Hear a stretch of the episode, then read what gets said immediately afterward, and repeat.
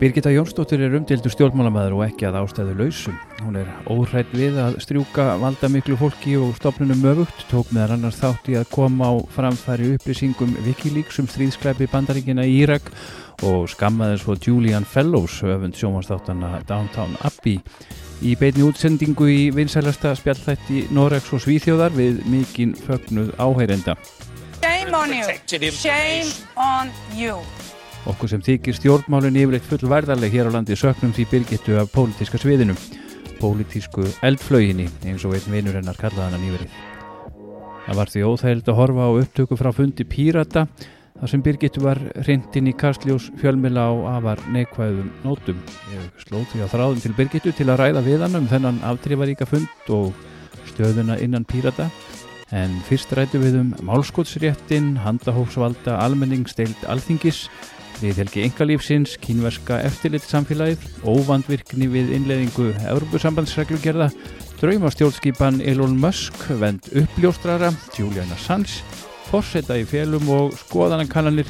sem benda til þess að miðflokkurinn sé að bæta við sér fylgi vegna andstöðunar við þriðja orkupakkan. Sko í fyrsta lagi þá eru skoðanakannir uh, kannski ekki alveg margt takar upp á fylgi að gera í raunvöldum kostningum en skoðanakannir virka oft sem um, stöðutaka á þjóðapúlsunum og mér finnst þetta að vera ákall fólk sem að það vilji fá að hafa eitthvað að gera með svona stóra ákvönatöku þegar kemur að orkubúskap þjóðarinnar. Og fólk eru auðvitað hrætt við að það séu enga, ekkert, engar raunverulega varnir til þess að stöðva það hér verði laður sæstrengur. Og það eina sem að gerir það er að vera mögulegt fyrir okkur að búa henni hérna á Íslandi er að orkuverðið er tiltölulega lágt með við á meðlandinu og hérna ef við myndum tengja okkur inn í orkukerfi Evrópu að þá er þá er hann að vera sko orkupakki þrjú og, og svo vendanlega næstu skref fjögur og fimm og, og eitthvað að þá er það að fest okkur inn í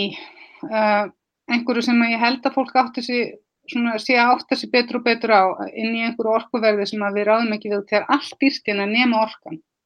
Uh, matakar, það er að búa hérna út af því þú veist að þetta svona jafnar upp aðeins þess að matakörfu annað sem er langt dýrust á Íslandi. Þannig þetta er bara ákvæm. Og ef þú værir á uh, alþingi núna, myndur þú nálgast þetta út frá þessu að, að, að þetta koma á þessu málskótsrétti? Það er það eina sem að ég sé sem að geti tryggt að ráðamenn myndu virða vilja þjóðurinn. Við höfum ekki góða reynslu að því að þingi virði þjóðaratkvæðarislu sem er ekki bindandi. Aftur á móti sko er það þannig að ef að það er komið á stjórnarskrafbreytingum þá þarf að rjúfa þing og þá er það bara spurning hvort að fólk sé tilbúið til þess. Mér finnst það mjög ólíklegt. Við erum í mjög vandur stöðu akkurat núna og til það er engin, enga tryggingar fyrir neinu en það væri þá alltaf í það minnsta að fá Uh, þetta fólk en að þingi til þess að skrifa undir bindandi samkómulag um að þegar að þingið er búið, þessi, þetta kjörtímabil, að málskotsrétturinn sem að myndi þá tryggja, hann er að vera þannig og gardi gerður, hann myndi tryggja það að uh, þjóðaratkvæðagreislur væru bindandi líka um uh, þingsáleiktanir. Það er ekki þannig í dag. Þingsáleiktum fer aldrei til undirskriftar fórseta út í það er ekki lög. Þannig að það er svona þetta er mjög rugglingslegt hvernig svona stjórnskipan landsins er sett upp og það er öruglega viljandi. Og hérna þannig að ég held að ég myndi vinna róða því öllum árum og að það erði settur þá fyrirvari í ef að orkupakkin erði samþyktur, það erði settur bindandi fyrirvari í það sem allir myndu kvitta upp á að málskólsrætturum verði gerður á lögum, að verði gerður á stjórnarskrafbreytingu áður en að þingi er úti. En hvernig stendur á því, nú er búið að tala um hennar málskótsrétti allt frá hrunni og þú hefur nú verið, ekki virkað þátt í allir þeirri umræðu.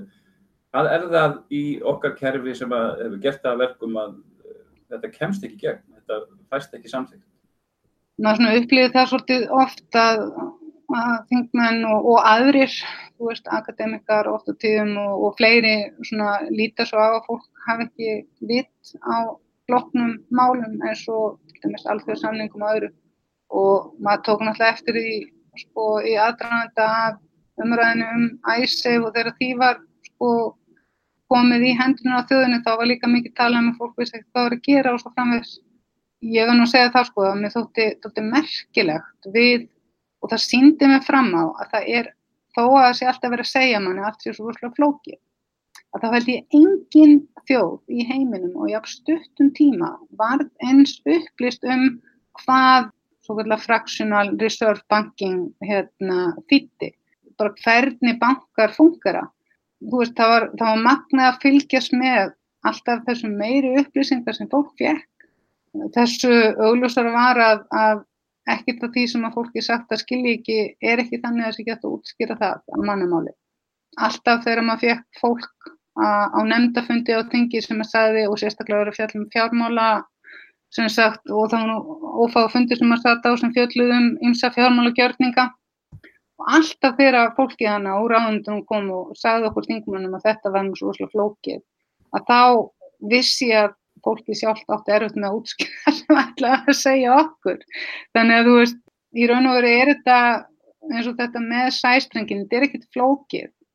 en stjórnskipanin er flókin, þannig að það er erfitt að tryggja uh, réttindi almennings inn í framtíðina ef að við höfum ekkert nema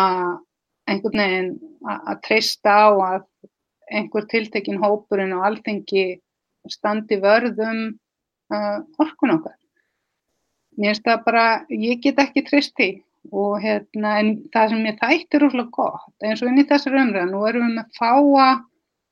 uh, aðil á Íslandi sem eru eins miklu sérfræðingar í svona alls konar hlutum sem að fórsetar hafa gert. Og sá aðili er fórseti og það væri rosalega fínt ef að fórstætti lífildisins myndi kannski bara reynilega slá í grein til þess að útskýra hvaðan getur og má gera varðandi sko, þjóðratkverðurreslur og annað og hvaða leiðir fólk getur farið til þess að kalla eftir hans stuðningi ef að það er mikil gjá á melli þings og þjóðar. En það væri rosalega fínt ef að maður myndi aðeins heyra í fórstættanum um þetta málu til fólk er greinlega mjög ringlað. Sko, maður skinnja svolítið núna í umræðinni anstöðu við uh, þjóðrætkvæði eða svona minna, minni áhuga á þjóðrætkvæðgreiðslum bæði inn í fræðarsamfélaginu og líka hjá þeim flokkum sem eru núna í stjórnar anstöðu vegna mm -hmm. niðurstöðu í brexit-kostningunni. Heldur þú að það sé að hafa áhrif á áhugan á þjóðrætkvæðgreiðslunni hér á landi? Já, öruglega, en það er nú verðt að benda og það er vill svo til að, að hérna, þegar að við hana í reyfingunum vorum inn á að þá lögum mikla áherslu á að, að lögum um þjóðaratkvæðgreyslu væri komið á og þann veg að þessi lögum myndu hafa mjög skýra leiðbenningar um hvernig bæri að framkoma þjóðaratkvæðgreyslu. Það er ekki eitthvað sem að breyta höfðu. Þannig að, að það er lög, uh, það er bara þannig hér að það er fengið hlutlega stopnun til þess að undibúa spurningarnar og síðan ítarefni með þannig að fólk getur tekið upplýstra ákvarðinir. Og það var svo sannlega ekki raunin í Breitlandi, ég menna það var ekki einu svona plan um hvernig ætti að framkvæma úrgönguna. Þetta var einhvern veginn það átti engin vona og það myndi takast einu svona. Þannig að, að, að, hérna, að fá brexit í gegn. Þannig ég held að sko að það sem gerist í Breitlandi eigi ekki einhvern veginn, það er ekkit sambarlegt við það lagumhverju sem við höfum hér uh, á landi en það er náttúrulega bara uh, vítið til varnar, varðandi nöðsinn þess að ef að þú ætlar að vera með þjóðaröðkvæðgreifslu að þá er óbúrslega mikilvægt að fólk hafi gott aðgengi að upplýsingum um afleiðingar þeirra valkosta sem að þeir eru bara að, að kjósa um. Þannig að, og það er bara frekar vel uh, úr gardi gert hérna heima. Uh, þannig að ég held að fólk ætti ekki að hafa ágjör af því að, að fela almenningi völdlis að taka ákvarðanir um framtíð sína. Ég menna, hver er munurinn á því og að, að kjósa eitthvað fólk sem maður losnar ekki við í fjögur ár ef það er ekki að standa sig. Það hefur verið rosalega lítið breyst eftir sögum, við náðum ekki að nýta okkur Uh, þau sem að vildu breyta kerfinu og náðum ekki að nýta okkur þennan ör, svona þetta pínu lilla gat, pínu lillu rífa á klukkanum til þess að koma á breytingum sem að uh, er engungu hægt að gera í kjölfar áfalla. Eitt af því sem ég var svo heitlu við þegar ég svona fljóði höfið að geta verið sniðut að búa til pírata á Íslandi var út af því sem að þýsku píratarnir voru, píratarnir voru að gera tilhörinu með eitthvað sem heitir liquid democracy sem að þú getur sem sagt um, deilt út atkvæðum þínum um tiltekna málaflokka til fólk sem hún treystir að eru sérfræðingar í því málaflokkum og síðan stigmagnast eftir sem að uh, fleiri ákveða félag einhverjum einstaklingum tröst til þess að greiða atkvæði um tiltekna málaflokka. Ég held að sko eina leiðin, þú veist, það væri mjög gaglegt að fá nýja stjórnarská út í að það breytir svona ákvæmum grundvallaratriðum uh, og kannski auðveldar að breyta stjórnarskonun í framtíðinu. Það á ekki verið eitthvað svona sem að er sleiði stein heldur á, finnst mér hver kynslu rétt á að kalla eftir umræðu um sinn samfélagssáttmála og hvernig það svona endur speiklast í aðstulögun landsins. Margir gleymaði að stjórnarskrá er verkfæri almennings til þess að uh, hafa stjórn á valdhöfum en ekki öfugt og hérna og mér finnst óþægilegt hvað ég hef oft heyrt og skinnjað að valdhafar byrja litla virðingu fyrir visku fjöldans. Þannig að ég held að þurfa að gera marga hluti. Ég verður svo heppin að kynnast alls konar fólki út um allan heim sem er að vinna að ólíkum tilrönum í sínu samfélagum. Sko, ég hef hitt Uh, líka fólk sem er að vinna með aðtiklisverðan um, aðtiklisverðar tilröðinir eða útfæslur á hvernig þú myndir skipa löggefarsamkominn og eitt af það sem hefur verið skoða svolítið er að velja fólk svipa eins og inn á þjóðfundinum stjórnarsvona um að velja randomli út frá sagt, til þess að fá sem fjölbreyttastan hóp og þá væri það svipað eins og eins og í bandaríkjana þú þarfst að fara verður skyndilega vann í kviðdóm. Að, þá myndur þú velja fólk inn í inn á þingið tannig að það er bara handahúsvalið bara. Já. Þá allt þingið eða hluti af þinginu? Um, Sko, þetta er auðveldur að svona varst með tvö lög þar sem varst í raun og veru með eða eins og í Breitlandi um, eða bandreiknum og svo ertu með á neðra. Uh, þá getur þú verið með í staðan fyrir að vera með House of Lords, þá getur þú verið með House of Commoners. Eða eitthvað slíkt, hús almennings. Uh, ég veit að skóskatingi eru svolítið opið fyrir að prófa þetta í staðan fyrir að vera með svona hérna, ljávarða deilt, að vera frekar þá með sagt, almenningsdeilt en orðsendna fyrir því að geta gert eitthvað svona sem verið bara með uh, almenning eru þetta svo að þú sérst með, sérst með kerfi sem er líðræðislega. Mér finnst kerfi sem við erum með í dag ekki drúslega líðræðislega. Þú veist, það er bara meiri hlutin ræður, uh, þó svo að meiri hlutin sem er tæpur og oft ekki einu svoni raunverulega meiri hluti.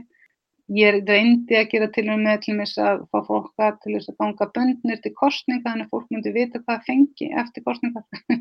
það var alveg ríkalegt sko, mörgum fannst það bara alveg ótrúlega vondhugmynd á meðan allir talum að það sé rosalega mikilvægt þessa milli, þá var það ekki rétti tíminn, það er greinlega aldrei rétti tíminn fyrir raunverulega breytingar eins og stjórnarslána eða þú veist að almenningur til þess að þú veist það er eins og stjórnmálum en áttis ekki á því að ástæða fyrir vantrösti er að það er öllu lofa fyrir kostningar og svo vitum við að það er ekkert að standa við þá til að, að það er alltaf samstöpu stjórnir kannski eftir maður frekar en að kjósum flokka, kjósum forgansvöðin, ég veit ekki, kannski þurfum við að endur úr algjörlega hvernig við viljum hafa kerfin sem við búum í. Þú hef barðist inn á þingi gegn, eða ekki innleiðingu Európa-sambands uh, hérna, löggefarum eða reglgerðarum um hérna, gagna geimt?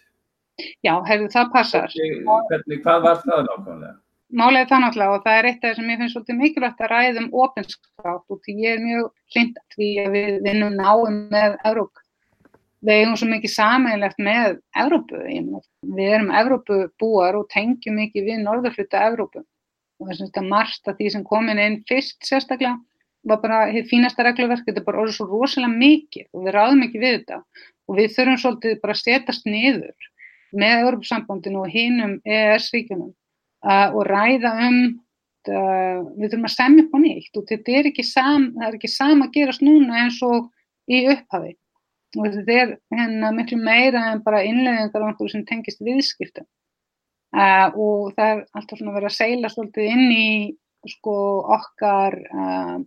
fullveldi, það veit það allir. Hva, hvað var þetta mál sem að, sem að umræði þess að þetta? Já, og, og svo nefnilega kemur inn á þingið eitthvað sagt, NNES reglugjörðin uh, sem að var um að lögfesta gagnageimt á þann veg að það myndi vera þá Evróptilskipun sem að væri jafn slæm og núverðan tilvög sem við erum með. Ég bariðs gegn út, ég vissi að þetta þótti það mikið yngripp í Evrópu að þetta var tekið fyrir bæði í stjórnarskráðdómstól uh, Þískalands uh, og talið uh, að, þjóðverjar yrðu að þrýsta á að þessu yrði fælt og gildi og svo var þetta tekið fyrir sko hjá mannettómstónum sem konstiðum niðurstöðu þetta var allt og mikið yngripp inn í friðelgi engalífs almennings og þökk sé sko Edvard Snowden fyrir að vekja aðtegli margra á hvað friðelgi engalífs í hinnum stafrænu heimum er út af því að mjög margir uh, eru ekki meðvitað um það. En mér syns tóst að fresta því fyrst hjá hann ríkistjórn Katrunar og, nei hennar ríkistjórn Jóhannu uh, og síðan hjá næstu ríkistjórn til þetta kom aftur fyrir og ég var fyrir tölurinn þrýstingi frá svona fulltrúum uh, Európarásins þessu, þú veist að Nóriður var að býða eftir því að við myndum fullgilda og, og þú veist af hverju vildi við ekki fullgilda og ég sagði bara þú veist að ég vildi fá niðurstöðuna frá Európatónskonum áður en að við myndum taka þetta upp. Þannig að mér, tósta frest þessu tvígang og síðan alltaf, þú veist, var ekki lengur farið fram á að við myndum gera þetta, þetta bara klár mannreftindabrótt. Og núna er mjög mikilvægt, ég menna sko við erum með gagnaheimdaljó sem eru skilgreind af Európatónskonum sem mannreftindabrótt það er mjög auðveldur að breyta lögum heima við en að reyna að breyta tilskipum, það vita það allir. Og þess vegna er og með sig í samengi við orkupakkan, við erum alltaf með, það væri alveg að fresta þessu tilskipum, tanga til að við erum til með spún að ná fram nálskótsréttinum réttinum í stjórnarskóðinu, það er bara ekkit að því að býða, það er engin asi að við býðum bara eftir því að við séum með þannig lagalegt umhverfið hérna heima að það sé hægt að tryggja ákveðin, um, já bara að segja að þetta byrja brunnin sko aðan að vera sent.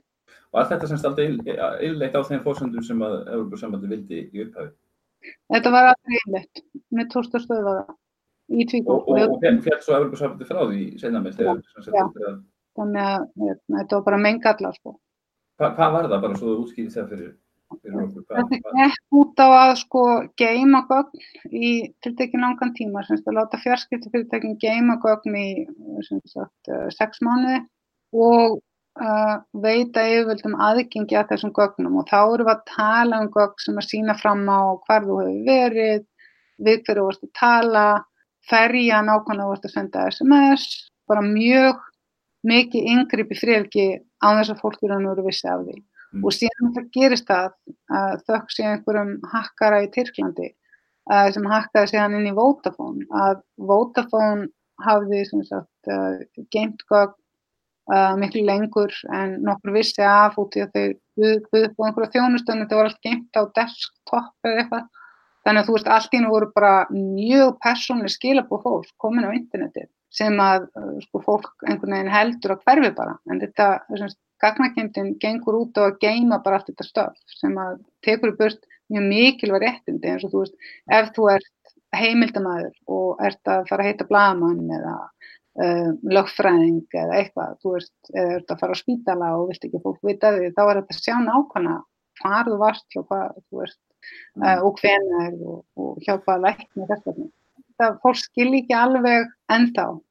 hvað mikið af, gögnum eru, eru sapnað sem eru persónugreinlega. Það er það sem vandamáli. Þetta er allt persónugreinlega. Og þá,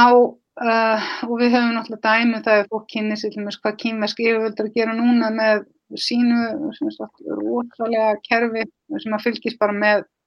öllu og síðan færður stig eða eru tekin að þér stig út frá því hvernig þú hafa þér. Meiri sér að þú draga þér stig og kaupir ekki rétt tegund og klóspappu sko og,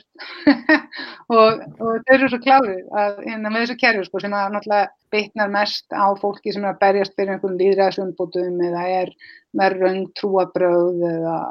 gerir eitthvað sem að skemmir þessa einingu hannkynverja að þá er ekki bara þér refsað með að þú getur ekki farið tekið lestar eða fengið lán eða veist, notið almenna þjónustu heldur yfirfærist þetta kerfi yfir á börninni sem er ótrúlega brútalt. Uh, þannig að veist, þetta er besta leginn til að stjórna þessari tilteknu tegund af uh, samfélagi og svo er þetta bara, er tímaspörsmál hvernig þetta verður innleitt víðar og þessu minna sem til er að gögnum um okkur þessu betra. Við velunum þessa hægðun með því að fara á fjórum fótum og byggja um fríverslunarsamningu, svona ríki. Það var svona neðalegt. Ég var, sko,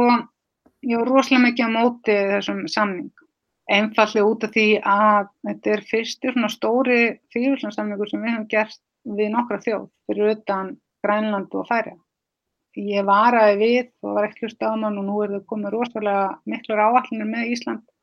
og enginn, það var mikið lofað, því var mikið lofað að það er nú aldrei tekinu upp mannöftundabrótin, uh, það var hluta samningnum að, að Ísland ætla að beita sig fyrir mannöftundum í Kína.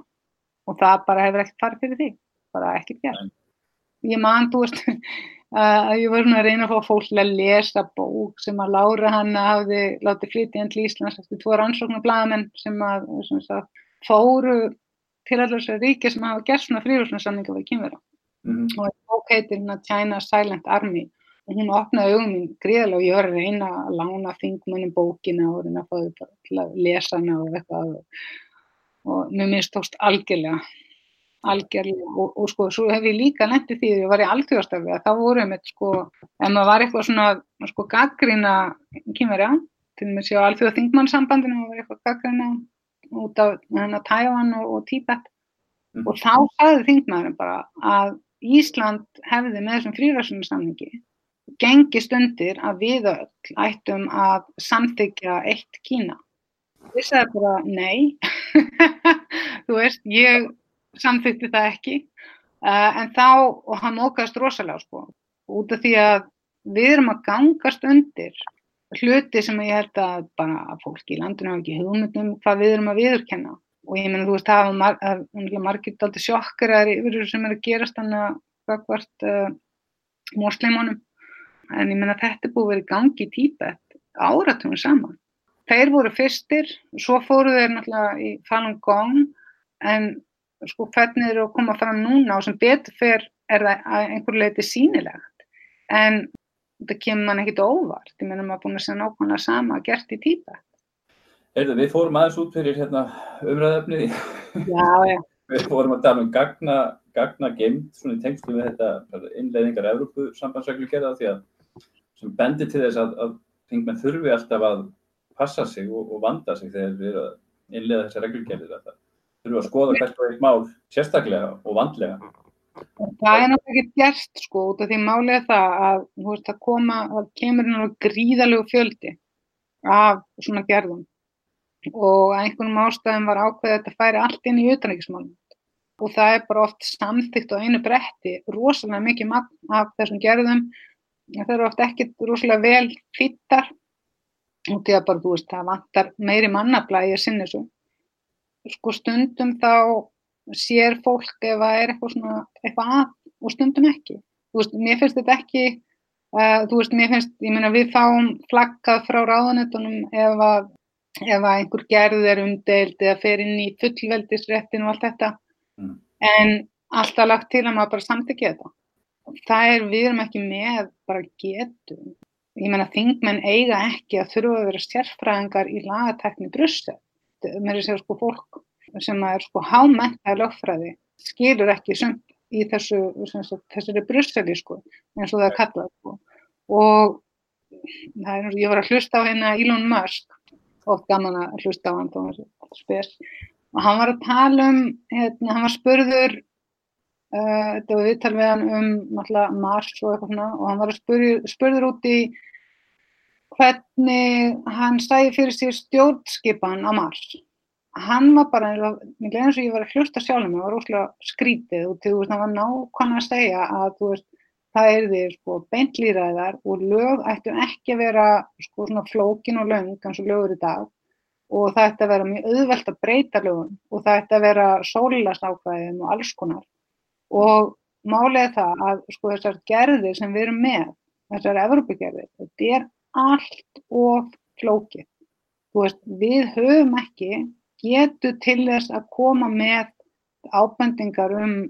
undantáur eins og til og meins banka í, í kringum löginum bankana. Við komum ekki með einar sko beðnir um undantáur sem myndi taka tillit til þess hvað við erum með litla banka í raun og veru. Og ég var svo hýrst á að það skildi ekki vera að teki betra þessu eftir að það til og meins komið ljós. Eina ástæðan fyrir að var hægt að fennja út skuldirnar svona hratt og vel var út af sko meðal annars eh, örgtilskipum. Þannig að við, við höfum ekki drúslega góða segja, sögu eða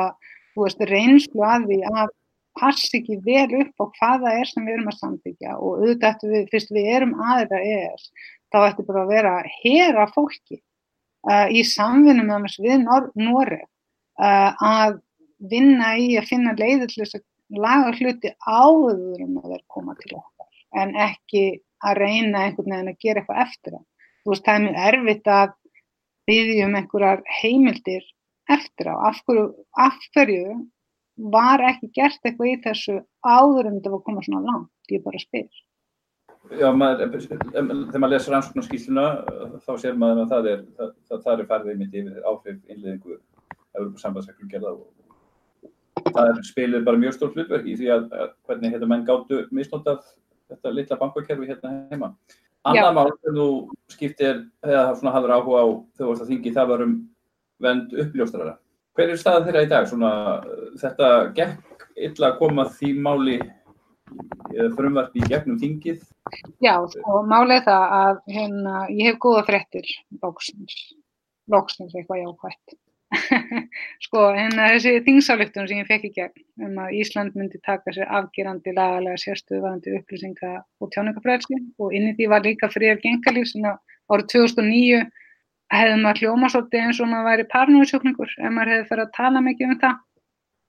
en í þessari ályktun þá sem sagt fólum við ríkistjórn að breyta og búa til einn tíu lög í fjórum ráðundum og einhvern haft tóst mér að fá þetta í gegnum þingið og mér hefur tekist að halda það lifandi í gegnum allar þessar ríkistöðnur. Og það vildi svo skemmtilega til að þegar þetta er fyrir gegnum þingið og er samtitt einróma að þá eftir að hafa skoðað ráþaruna og hver geti haldið utanum og tryggt að þú veist að allir var að vinna vinna sína og hefði svona skilning á mikilvæðis og, og allt þetta þá varð fyrir vaninu þávarandi mentamálur á þeirra sem var Katrin Jakobsdóttir og ég hugsaði, þú veist, núna eftir síðustu kostningar að bara hérna bóka henni og, og aðtóðum var ekki til ég að klára þetta og hún sagði já, sem ég bara mjög ána með og hérna rosalega þakklátt. Hún skipaði stýrihóp með hennum ágeta Eiríki eh, Jónssoni sem var hent út úr uh, þessu nýja millidómstígi uh, af þáinandi dómsmáðurofna. Á þessum einum, já, fyrsta fundinum og þá einhvern veginn uh, erum við svona ræðum til dæmis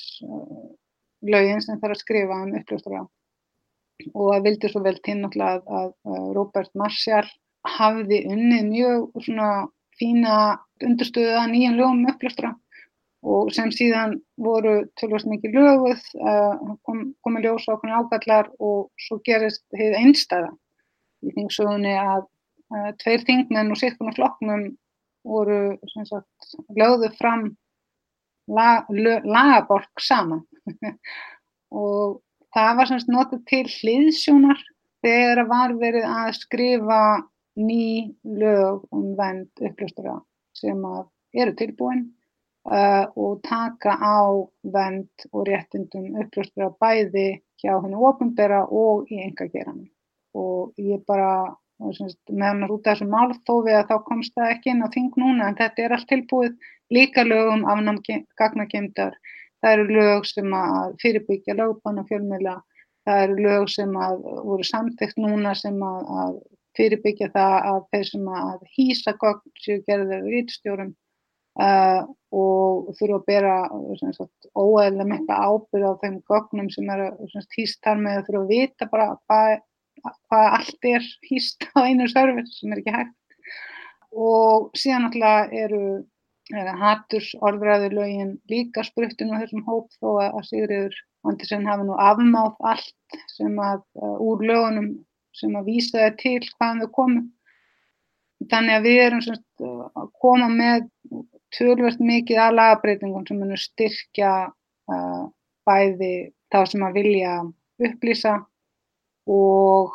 líka þá sem að vilja nýta sér þær upplýsingar til fréttabjöfnings. Þannig að það verður að fylgjast vel með því á næstunni að þetta frumvarp fari í gegnum fingið. Algjörlega, mjög mikilvægt. Og það var eins og til og með sko upplýsingarlögin núna, það voru að gera breytingar á þeim og það var að búa til nýtt ennbætti inn í fósittsröndi sem á að tryggja að upplýsingar fara hraðar í gegn. Ég hefði náttúrulega viljað ganga miklu lengra, mér finnst þegar að uh, fréttamenn er að kalla eftir upplýsingum um mál sem eru í gangi að það sé ekki fórsfæðanlegt að láta fólk býða mánuðu saman, þú veist það bara afgreða strax. Og, og hérna, en þetta er svona skrefir rétt átt Ég er rosalega ána með og það er mjög mikilvægt að ég myndi að hafa bara sagt, vera virkilega vel vakandi fyrir þessum lögum sem að eiga að koma núna í haust. Því var lofa að þetta er allt klára núna á þessu ári og ég hérna, ætla svona að gera mitt besta til þess að uh, fylgjast með og þrýst á. Það verður fínt ef að fleiri en ég myndi gera það. Gott að vera. það eru, eru jákvæða fréttir í, í, í um, umbúnda málunum. Já, það er ekki endilega verið nátt þingill að gera luti sko. en auðvitað er rosa gott, þú veist, ég minna það er rosa fínt að hafa fólk inn á þingi sem að getur, er meðvitað um mikilvægi þess og, og sagt, ég vona að fólk úr öllum flokkum sé sammála um að, að það sé mikilvægt í, í líðræði samfélagi að hafa svona lög eins og um uppljóstarar og að, að það sé ekki að það skella lögbanni eh, eftir henduleikum á fjölmjöla sem eru að flytja fréttir hérna, þú varst virki í starfi Wikileaks á sín tíma og uh, tókst með annars þátt í því að hérna, koma í byrtingu myndbandi af stríðskleppum í Afganistan, var það ekki, eða var það Írak? Það var í Írak, New Baghdad. Uh, hvað er að frétta Julian Assange og hver eru svona samskipti því við hann í dag? Uh, ég er nú ekki með samskiptum við hann, það held ég geti engin verið með samskiptum við hann. Hann er í hámarks öryggisfangilsi og ég hitti nú einn vinnars núna hefur út í London í þessum mánuði sem hefur verið í, var í miklum samskiptiðan meðan að vera sendiræðinu uh, alveg eðal blagamæður sem hefur verið á um, sagt, var svona blagamæður sem var mikið á átökarsvæðin, stríðsvæðin hann var að segja mér þá sko að út af því að sko, ég held og hefur margir sagt mér sko að hann erði bara, Julian erði bara í fangilsinu þessu fangilsina uh, í helmingina tíman þú veist, hann var dæmdur í 55 vikur og þá er þann bara, þú veist, í 20 eitthvað vikur inn í, þú veist, eða tæpar 30 vikur. Nema hvað, út af framsarstótinu uh, frá bandaríkjunum, frá framsarskröfunni sem að meðan að skengur út á og engungu út á hérna, það sem að Chelsea Manning lagt til Wikileaks og syndi stríðsklæpi, alvarlega stríðsklæpi að þá er bara nokkuð ljóst að hann verður þarna lengi og þetta er ekki ég, það er absúrt að setja hann inn í svona, þú veist, þarna eru sko hriðverkamenn inn í þessu fangilsi uh, og uh, fjöldamorðingjar og eitthvað svona. Og mér finnst alveg absúrt að hann er að vera þarna í langan tíma. Hann fær að fara út kannski í hálftíma dag eða eitthvað svo leiðis og það er mikið baráttum að komast í síman að hann er sjálfsælun og allt þetta. Þannig ég held að sko ég lofaði honum og, og mörgum öðrum að, að ef einhver tíma kæmi til þess að, að það er því kæmi fram krafa um framsal til bandaríkjana út af þessu sem að, að við unum saman að ég myndi gera það sem ég get til þess að berjast gegn þessu framsali. Þannig ég hef verið svona í samskiptum við fólk sem að, er að vinna í því að stöðu þetta framsal. Er eitthvað sem Íslands stjórnvöld getur gert í þessu máli? Nei, það held ég ekki. Ekki eins og er sko. Um, en það þú veist er sko með við bara hversu léleg íslensk stjórnvöld voru í bara og eru enn við að reyna að fá veist uh, upplýsingar um hvar uh, líkamsleifar Haugs Hilmarssonar eru uh, enn hefur enginn fengið að fara inn á svæði sem að tala er að, að fólkið fjall þannig eftir árást Tyrkja um, á, á Kurta þannig að þú veist það er nú frekar dapulegt að, að íslenski yfirvöld hafi geta beitt sér betur í því máli. Þannig að ég held að sko að núverandi yfirvöld myndi hvort er ekki gera neitt. Um, það er náttúrulega hægt að fordama, ég menna þetta gætu uh, íslenski yfirvöld fordamt uh, að það er að senda mannesku til bandaríkjana þar sem að er um, döðrafsingar út af því sem að þessi framsalskrafa gengur út á út af því að þú veist í raun og veru þá ef að hann verður framseldur og dæmdur fyrir þessi málu það mun hafa mjög ískikileg áhrif á alla fjölmjölamenn í heiminum sem að flytja fréttir og líka fjölmjöla sem að flytja fréttir af uh, stríðsklæpum eða einhverju sem að yfirvöldum þóknast ekki Þannig að veist, þetta er svona, ég menna bara eins og kom fram í yfirlýsingu frá bladamannafélaginu, ég menna þú veist, það var ekkit úrlega erfitt fyrir íslensk stjórnvöld að taka undir það. Eða fórsetta líðveldi sér til dæmis. Einmitt. Hvar er hann? Langt síðan stíðan. Fórsetin, hann er, hann bauði sér fram bara til að verða svona fórseti, það bara fer lítið fyrir honum og, og okkur líkar ágætlega vel við hann svona flestum og Já, ég meina þetta er mikla verðingu fyrir Guðna bara, þú veist ég hef haldið sko til hann getur svo vel beitt sér betur út af því hann þekkir svo vel hvað er þetta ganga langt hann þekkir þetta svo vel veist, ef maður lesur völundur úr svaldnum þá veit maður að hann er búin að vera grúska ansi mikið í uh, uh, sögunni ég er bara að segja þetta svona, ég er bara að poti hann Já, já, ég, ég tek undir þetta maður hefði stundu viljað sjá hann svona aðeins virkari en, en, hérna, en hann bara bauði sér fram til þess að verða svona fórsettir ekki? Jú, ég býsti því. Ég er ekki ósatt við það, en þú veist, ég myndi bara út til að mér finnst vera svona tíma núna sem einhvern veginn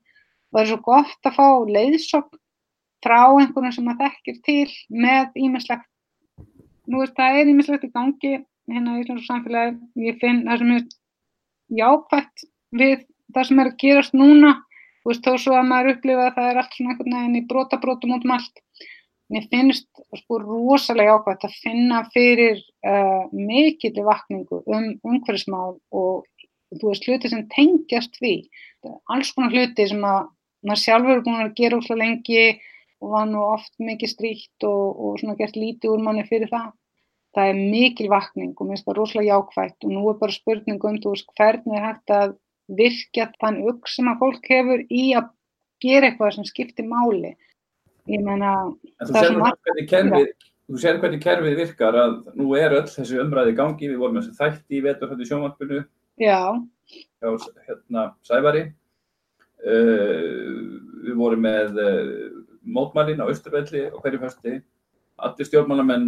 já nefn, viðflokkurinn af Ísu. Eh, allir aðrir fagna þessum, þessu framtæki unga fólksins. Eh, við erum að fá þess að viðvarnir frá vísindamönnum og svo framvegis. En eh, stjórnkerfið er samt að fara að vinna því að stakka kemlauguflugöld. Stjórnkerfið er að vinna því að auka hér flug bandaríkjahers. Þú veist hvað, hvað hérna, þetta er einhvern veginn, við, við vitum alveg hvað er að gerast og við sjáum það bara bæði stjórnkerfið og bara efnahagskerfið er ekki að bjóða upp á það við að það verður brúðist við.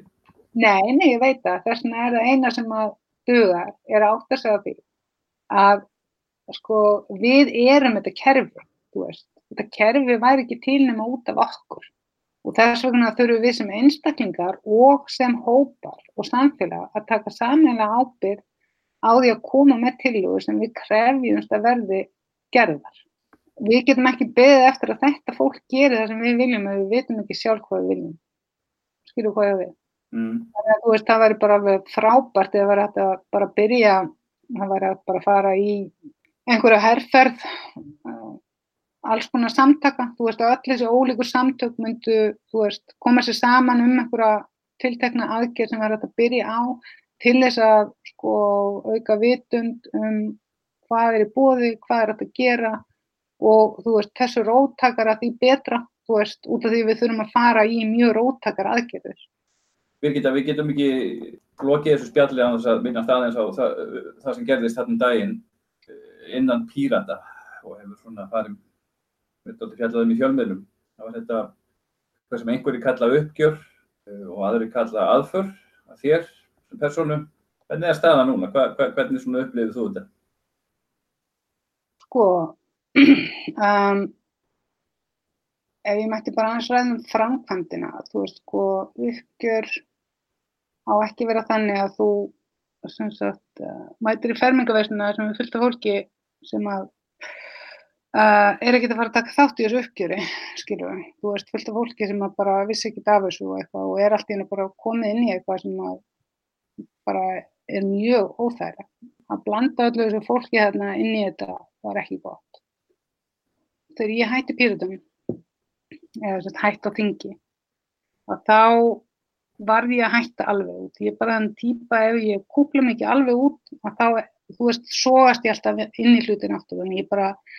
afvinnaði alla pírata á Facebook, það var ekkert personlegt, það var ekkert mjög illa við einhvern eða eitthvað svo leiðis. Það var bara, ég varð að kúpla mig alveg út og ég hef ekki haft neina afskipti að neinu sem hefur gerast með pírata síðan uh, fyrir síðustu kostningar.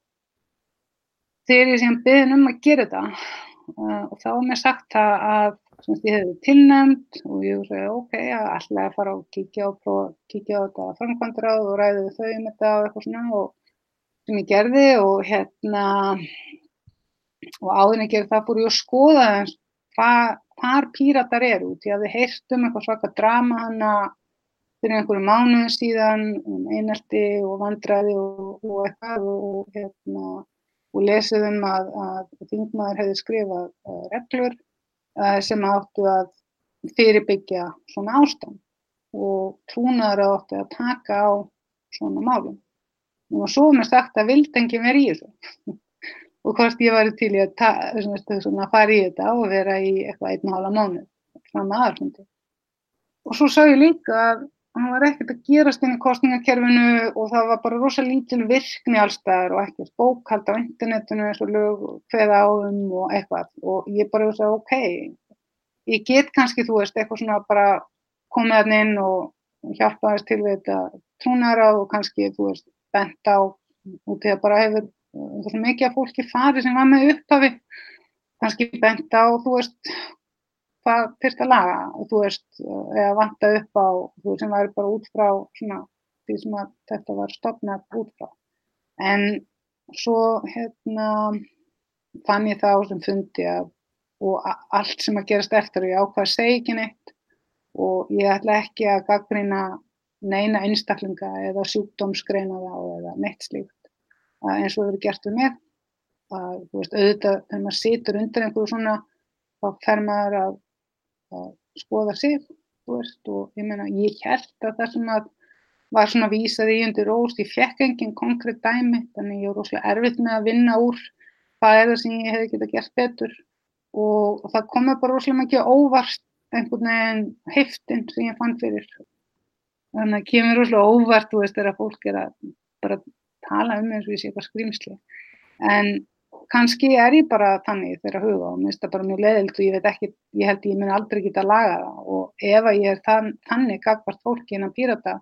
þú veist þó svo séu fylgt að öðru fólki sem að sjáum alls ekki þannig innan pírata að þá er það ekki beint svona ég nenn ekki fara og, og, og, og mér verður kent um að þú veist þetta fleig á milli fólks eða láta þessa hreyfingu brotna eða eitthvað svoleiðis. En er þá, hefur þá græsóttastarfið eitthvað svona, ég segi ekki lóknast út af, hefur það minkað á undanfjöldum missurum? Já, það er sko eins og, ég fór niður kostningakerfið sem var svona, þú veist, eitthvað sem að ætti að leggja mjög mikla áherslu á, því það er veist, það er þetta valdefnandi tækið, veist, að hver sem er getur haldið svona félagafundi eins og hann upp í eh, Keflavík um orkupakkan og þú veist, lagt til að verði, semst, þetta mál verði sett inn í kostningakerfi og ef að málið er í anda grunnstefnu pírata þá fer það inn í kostningakerfi og ef að það er þess aðlis að þetta vel unnið og, og hlýtur meir hluta stuðning meðal félagsmann og pírata og þá þurfa tingmennir að taka tillit til þess. Og mér finnst það vera veist, svona, fyrsta skrefið af valdeflingu og svona kvati fyrir fólk til að taka þátt í alls konar málefnastarfi og öðru og kynna sér mál. Og það var tímpilega rosalega mikið í gangi. Og það var svona fundir það svona var svona ólík sjónamið um alls konar hluti, þú veist, hjá pýrutum, svona málefnafundir og annað, bara mjög vel sóttir, flott fólk í panelum og allt þetta. Og það hefur farið rosa lítið fyrir svoleiðis uh, undanfarið, undanfarið missri og, en það er hann að sko, alveg eins í öllum flokkum þú veist, þá er alls konar fólk og það er fólk þannig sem að þú veist, er, það eru ennþá svona örfára aktivistar að nenni sem að, þú veist, eru virkilega að koma á breytingum, þú veist, sérstaklega fólk þannig úr Suðkjöldami, þú veist, Keflavík og þar Helgu, Helguvíkur baráttan og, og, og hérna var sprottinu upp úr uh, pýratum þar og mm. líka sko, nú er verið að koma á samvinnu uh, hérna leiguíbúum á sveðinu út frá samvinnu, svona non-profit samvinnu félags hugsun. Þannig að þú veist, það er alveg margt gott að gerast þarna og þú veist, uh, ég ætla ekki að vera fyrir, ég menn ég hef alveg nógan að gera og ég ætla ekki að fara aftur inn í sko flokkspolítík. Vandamáli er að alltaf þú ert uh, með það að aðarmarkmiði að ná fólki í valdastöður að þá breytist allt á meðan að þú veist, sko ég hef miklu meira sko, áhuga á að taka þátt í að þú veist í starfi þar sem er verið að vinna að uh, tillugum að nýju, nýri samfélagsgerð. Þú veist uh, því að það, það kemur annars hrun, þú veist það er byrjað og ætlum við ekki að læra af því síðasta. Og síðasta vorum við ekki tilbúin við eigum allt í handaraðanum sem að er hægt að dusta ríkið af og það var mikil vinna gerð þá úr svona alls konar hópum, græsoturhópum og það væri bara eðst að, að, að þeir sem að hafa sjá hvað er að koma að, að þeir myndu bara hittast reglulega í raunheimum og, og hamra út uh, tillögur, með líðræðisfélagi alltaf um alls konar tillögur, það var alls konar fólk sem var að gera alls konar tillögur og sagt, uh, stefnur og, og annað. En mér fannst þóttið sko, skondið að hlusta á þessu umræði þarna á fundinum og í kjölfarið að menn svona töluði eins og þú hefði verið þarna að hleypa öllu í háaloft og þarna hefði skapast einhver stemning í kringum þegar þú ert nú ekki búin að vera þetta núna í einhver, einhver misseri og einhver síður er maður alltaf að heyra sögur af því að það haldist illa starfsfólki og, og svona velta þar og, þannig að það, það er eins og sé e, e, það vandi einhverja kjölfestu eða svona einhver, einhver stöðuleika í, í flokkin hvað veldur þú segja? Uh, það hefur, hefur líklega ekkert með þína nærveru að gera Nei, ég menna ég hef ekki komið nálægt þessu eitt og allt af þannig að það er ekkert að kenna mér um ástandi sem er núna sko, þú veist. Og það uh, hafa komið upp deilur í fjölmiðlum eftir að þú hættir innanflóks Já, já, og ég menna, þú veist, ég bara hef ekki talað við nokkur mannan inn úr flokknum nema fólk sem að í raun og veru var hægt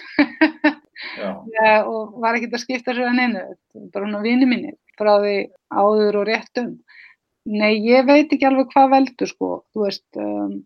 það er náttúrulega bara, þú veist, það hefur alveg svona arðingi og týnst mjög mikið af þekkingun og blætt út. Og það mögulega segja að mesta börl pírata var þegar við byrjuðum að að skora hátt í skoðanakonunum út af því að þú veist það eðlis breytti okkur. Fólk fór að hafa alltaf mikla áhyggjur af því að það myndi gera eitthvað sem myndi minka stöðning og og þá fóru við einhvern veginn að breytast í flokk sem var ekki flokkur sem að, eða við vorum ekki flokkur og reyfing, breytustu úr flokk og sko reyfingu í flokk getur við sagt, það sem að það var endalösa kröfur hjá morgunblæðinu og eitthvað um að við okkur vantæði stefnur í öllu og þá var farið að búa til einhverjar stefnur í öllu og í staðin fyrir að, að fókusin væri á það sem við værum góð í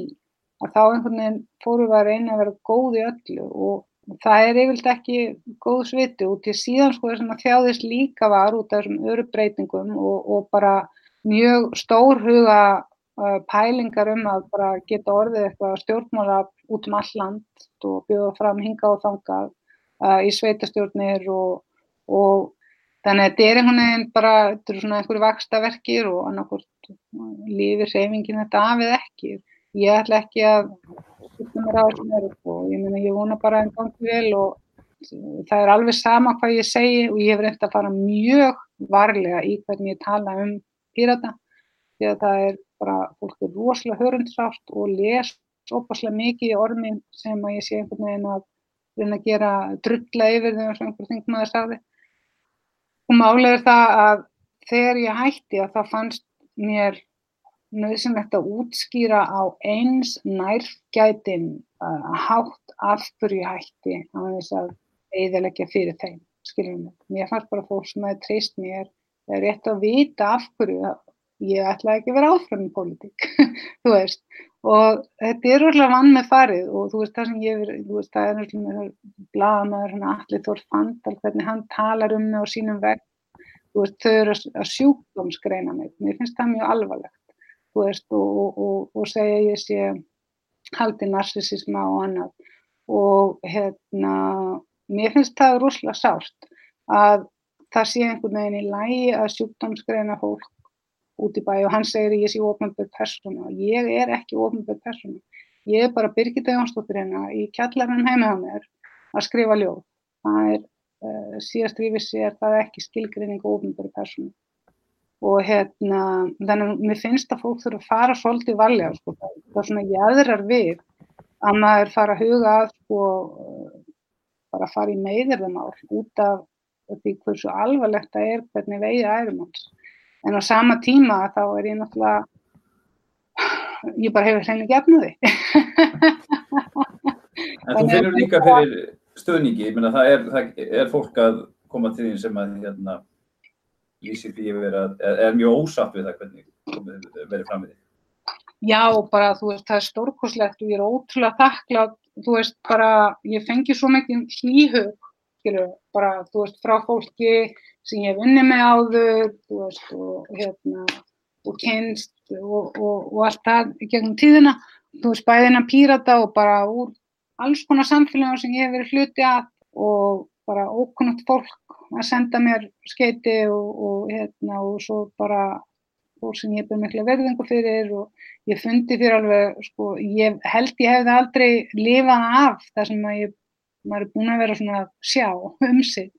ef ég hef ekki fundið fyrir þessum hlýju sko, því að þetta búið vera alveg svona frekar töff, það er eins og þau gleymi að ég á börn og, og fjölskyldum uh, þegar að þú veist þetta fólk sem er einmitt, þú veist hoppar um minni þingsal með húur sem segja fokk ofbeldi, að mér finnst að þetta kannski bara aðeins að ígrunda hvort að þau myndu vilja að börnin sín sæju svona lagaðum sig sjálf áðurna áfram er haldið því þetta bara hættir ekki sko.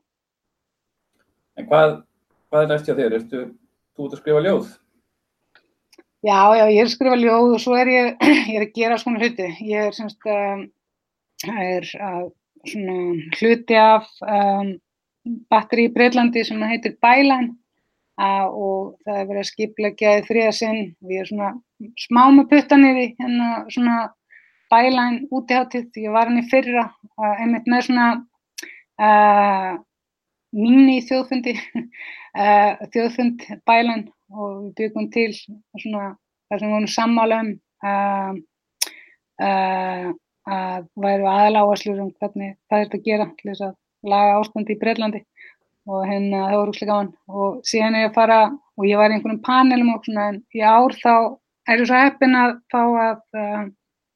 semst bladið hafði beðið mig um ljóð til að byrta og ljóð sem ég skrifaði um flottamenn og hælisleitundur langu, langu síðan og bara á svo ótrúlega vel við í dag. Og hérna ég fæði semst að taka þátt í opnunna háttíðinni með nokkur með uppbóðskaldunum minnum í Breitlandi